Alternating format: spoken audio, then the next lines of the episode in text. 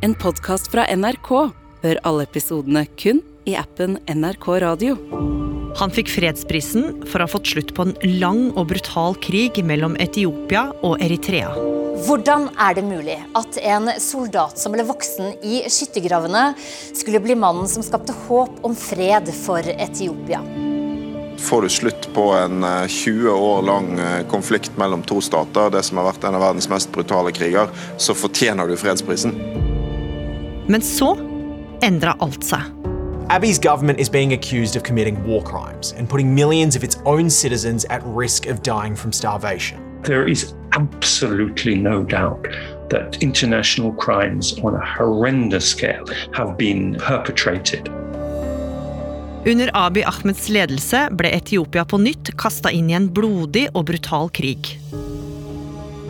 Nå kan også den være over. De første formelle fredssamtalene for å få slutt på konflikten i Etiopias Tigray-region startet denne uka. Hva går krigen i Etiopia ut på? Og burde egentlig denne mannen ha fått fredsprisen i det hele tatt? Du hører på Oppdatert. Jeg heter Gry Baby. Ja, nå har det skjedd noe som mange har venta på. Det er kommet på plass en fredsavtale, sånn at eh, kampene i Etiopia skal ta slutt. Denne konflikten har vært brutal og har vart altfor lenge. Og så, er det jo mange som spør seg da om denne her avtalen er for god til å være sann. Altså, har det virkelig blitt fred i Etiopia nå? Vegard Kjørom, du er korrespondent her i NRK og har de siste ukene dekka denne fredsavtalen. Og her er det viktig å holde tunga rett i munnen, for det er jo ikke første gang man snakker om eh, fredsavtale i Etiopia. Det har vi også gjort før.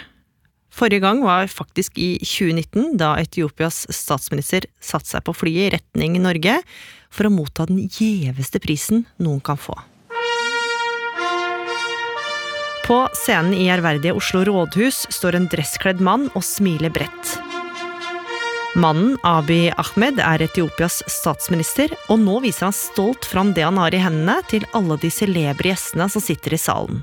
The Norwegian Nobel Committee has awarded the Nobel Peace Prize for 2019 to Ethiopian Prime Minister Abiy Ahmed. For han har akkurat mottatt Nobels fredspris, og nå hylles han av en hel verden for å ha klart det som mange så på som nærmest umulig. Og har brakt mer likestilling og fred til et av verdens fattigste land. I accept this award on behalf of my partner and comrade in peace, President Isaias Afwerki. Og det at han hylles er jo ikke så rart. For etter nesten 30 år med et autoritært styre, så ga han mange i Etiopia et håp om forandring. Altså, han klarte det mange så på som ganske utrolig, å ende en krig med nabolandet Eritrea etter veldig mange år med en litt sånn stillegående krig mellom Etiopia og Eritrea. Eh, I tillegg så gjennomførte han eh, mange endringer helt i starten av sin regjeringsperiode. Han fikk eh, ei regjering der halvparten av ministrene var kvinner, noe som er ganske historisk både for Etiopia og Afrika. Eh, og han åpna opp eh, mer for fri presse. Så han gjennomførte en eh, god del endringer som vakte oppmerksomhet i utlandet og hyllest i heimlandet. Det er altså hundrevis, kanskje så mye som tusen mennesker som hyller fredsprisvinneren her på Eidsvolls plass. En vinner som er både ydmyk og som er opptatt av å finne ja, løsninger på de utfordringene som Etiopia står overfor, ikke minst mer demokrati og eh, mer menneskerettigheter. Men Abiy var ganske fersk i jobben som statsminister da han var i Oslo og mottok fredsprisen. Og mens han ble hylla med barnekor og champagne, så ulma det hjemlandet Etiopia, Vegard. Ja, Abiy Ahmed har faktisk såpass mange problemer på heimebane at han bare rekker en snartur innom Oslo for å motta prisen. I heimlandet så er det stor splid. Det er langt fra alle som liker denne fredsavtalen med Eritrea, og det er mange som jobber mot den. Ja, for det var ikke alle som likte de store planene som har endret Etiopia. Nei, altså, Et stridspunkt var denne fredsavtalen med Eritrea, som ikke alle støtta. Men i tillegg så hadde han starta på politiske reformer. Han ville ha store politiske endringer i Etiopia. Han snakker om at han ville samle det etiopiske folk. For veldig lenge så hadde eh, politikken i Etiopia vært styrt på delstatsnivå. At hver delstat hadde mye makt. Og Dette førte òg til en del etniske skiller mellom folk i Etiopia. og da Abiy overtok makta, så ville han endre på dette her systemet. Det var det ikke alle som likte, og spesielt ikke et parti som heter TPLF. Det var partiet som hadde styrt i ganske mange år før Abiy Ahmed tok over, og nå var de sinte. Og allerede mens Abiy var i Oslo, var det konstant småmuring mellom TPLF i Tigray og regjeringa. Men det var først da han reiste tilbake at kampene mellom dem tilspissa seg. Ja, det var helt tydelig at TPLF de kom ikke til å føye seg og bli med på Abis planer om å samle makta sentralt i landet. De hadde jo nå havna utenfor det gode selskap med de omveltningene som allerede hadde skjedd, og de forsøkte først å samle en opposisjon mot Abi. Det mislyktes de med. Men i plassen for å føye seg etter planene til den nye statsministeren, så isolerte de seg eh, fra resten av landet og de fleste politiske prosesser som skjedde. De trakk seg fra parlamentet, og de boikotta egentlig det meste av demokratiet i Etiopia. Og det toppa seg da det ble holdt et eget valg i Tigray, til store protester fra regjeringa, og stikk i strid med de demokratiske prosessene. Valget var egentlig utsatt pga. korona, men i Tigray så ble det likevel gjennomført. Og nå kunne det ikke på det tidspunktet der bli så veldig mye verre mellom de ulike partene i Etiopia, og det er da det smeller. Konflikten i Tigray-regionen i Etiopia tilspisser seg. Statsminister og fredsprisvinner Abiy Ahmed startet i forrige uke en militær offensiv. Etiopiske regjeringssoldater synger før de skal ut i strid. En kamp som har kostet flere hundre liv på hver side av konflikten, og sendt rundt 30 000 mennesker på flukt. Det var usikkert hvem som starta, men i november 2020 gikk styrker fra Tigray til angrep på en regjeringskontrollert militærbase. TPLF sa at de gjorde det som et forebyggende tiltak fordi de frykta angrep fra regjeringsherren, men regjeringa og Abiy Ahmed sa derimot at dette angrepet på militærbasen det var grunn god nok til å begynne å ta i bruk våpen mot TPLF, for nå hadde det gått for langt, mente de. Og det oppstår harde kamper i en rekke byer i områdene nord i Etiopia.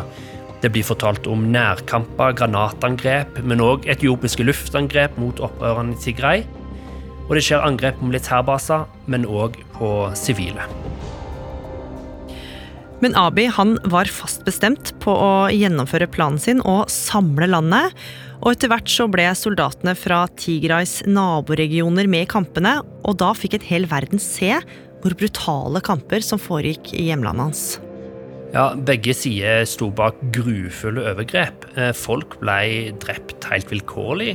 Krigen har òg et etnisk preg over seg, fordi de etniske skillelinjene var jo en del av problemet og eksisterte i Etiopia. Tigray hadde en sterk hær, og eh, det var jo fordi de hadde hatt mye makt i Etiopia lenge og bygd opp en eh, egen hær, og det ble mobilisert virkelig til nye kamper mot regjeringshæren. Og i månedene og ukene som følger, så utvikler det seg til det som ja, egentlig bare kan kalles en borgerkrig, med angrep på angrep. Og midt i dette så sto altså en tidligere fredsprisvinner, som nå fikk skylda for å lede hjemlandet ut i en brutal krig. Og nå fikk Abiy masse kritikk, Vegard.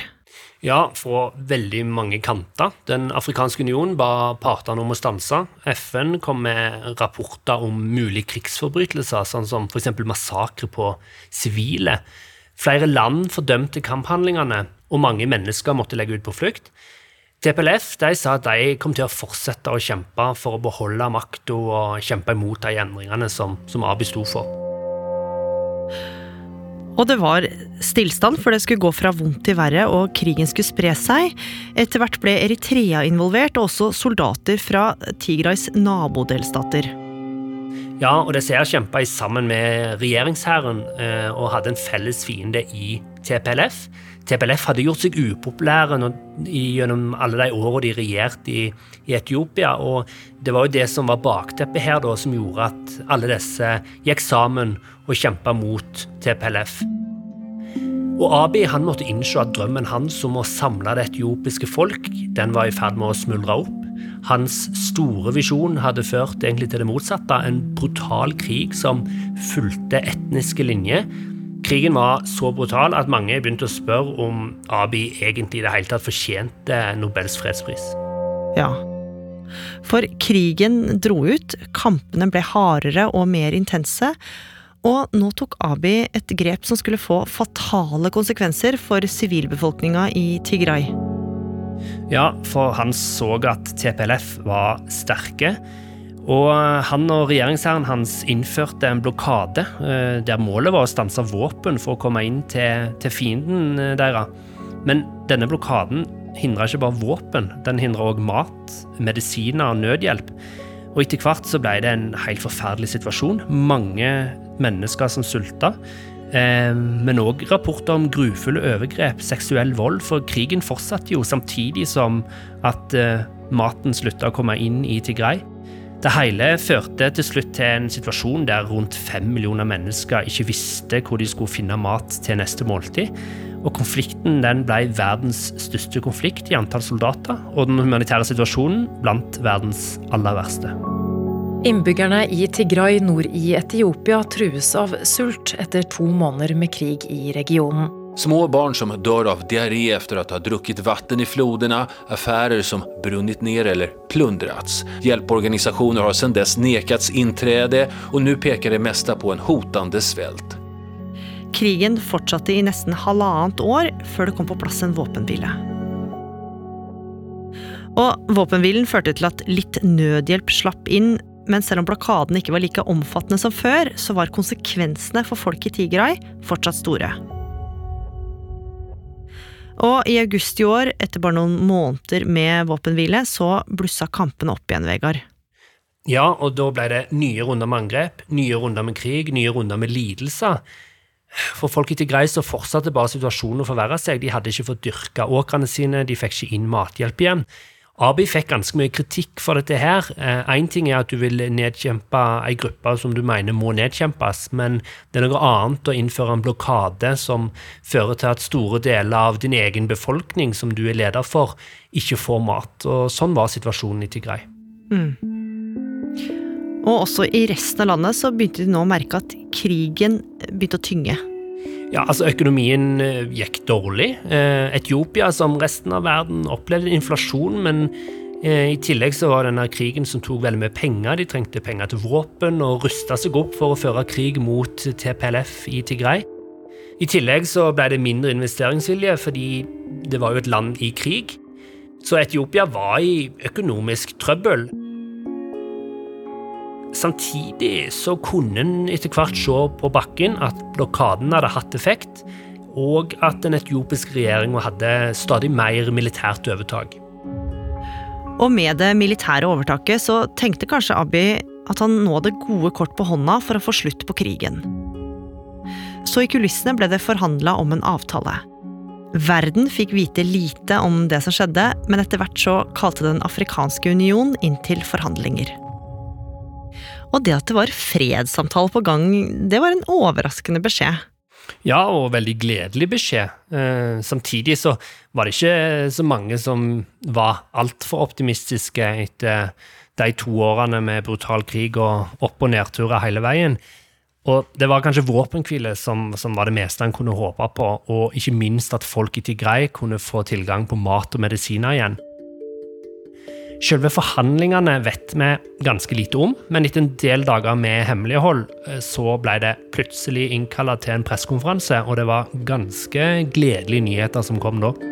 Etiopias regjering og myndighetene i Tigray-provinsen har inngått en fredsavtale og er enige om at kampene skal stanse. Og med det fikk regionen løfter om at mat og medisiner var på vei, og at de skulle få tilbake grunnleggende tjenester. Ja, For mange i Tigray så var denne her avtalen åpenbart viktig. Det handla om død og liv for mange. Og Abi han var godt fornøyd, han òg. Eh, mange mente at denne avtalen gikk såpass i favør av Abi og hans regjering at eh, det egentlig er de som står igjen som vinnerne til slutt. Men så kan en jo spørre seg da hvor stor seier det egentlig er å vinne en krig mot sitt eget folk, som det jo faktisk er. Eh, og en krig som både har splitta et land, ført til tusenvis av dødsfall og ei sultkrise i store deler av landet som du regjerer over. Men Vegard, hva vil skje videre i Etiopia nå? Det er det bare tida som vil vise. Mange lovnader har blitt eh, brutt før, og det kan skje igjen. Et problem med denne fredsavtalen er at det bare var regjeringshæren og TPLF i Tigray som var representerte, ikke de andre delstatene og Eritrea, som jo òg var involvert i konflikten. Og Spørsmålet er om de vil respektere denne avtalen. For det er fortsatt flere som, som ønsker å slå ned TPLF en gang for alle og ha de som sin verste fiende. Så det som må skje framover nå, er at i alle fall de to partene som har signert avtalen, følger den opp. Og hvis noen andre begynner å blande seg eller går over streken, så må de si ifra. Eh, og det, ja, det gjenstår å se hvor dypt dette her stikker, og, og hvor stor viljen for fred faktisk er, men begge parter sier iallfall at de stiller seg bak det de har signert, og ønsker fred. Siden Abi sto der på scenen i Oslo rådhus og fikk fredsprisen, så har jo mye skjedd i Etiopia. Var han egentlig en verdig vinner? Altså, Han fikk jo fredsprisen først og fremst for å slutte fred med nabolandet Eritrea, og det er en fredsavtale som fortsatt gjelder. Men så, så, er det jo denne humanitære biten her. Da. Han har ført en krig mot deler av sitt eget folk, der mange sivile har måttet ta en stor støyt, eh, og hvor det har vært en massiv blokade som har ført til at deler av landet hans ikke har fått ja, mat og medisiner og, og, det de trenger for å ha det greit. Og det er jo veldig mange som mener at en fredsprisvinner skal ikke drive på sånn, selv om det kan være gode grunner til å føre krig, så skal han iallfall strekke seg lenger enn det Abiy Ahmed og regjeringa i Etiopia har gjort for å beskytte sivile. Så meningene om Abiy Ahmed er veldig delte. Noen hyller han som den største helt på jord og en fullt verdig fredsprisvinner, mens andre har han som sin verste fiende, og, og kanskje mannen de stiller til ansvar for at familie og venner har blitt drept.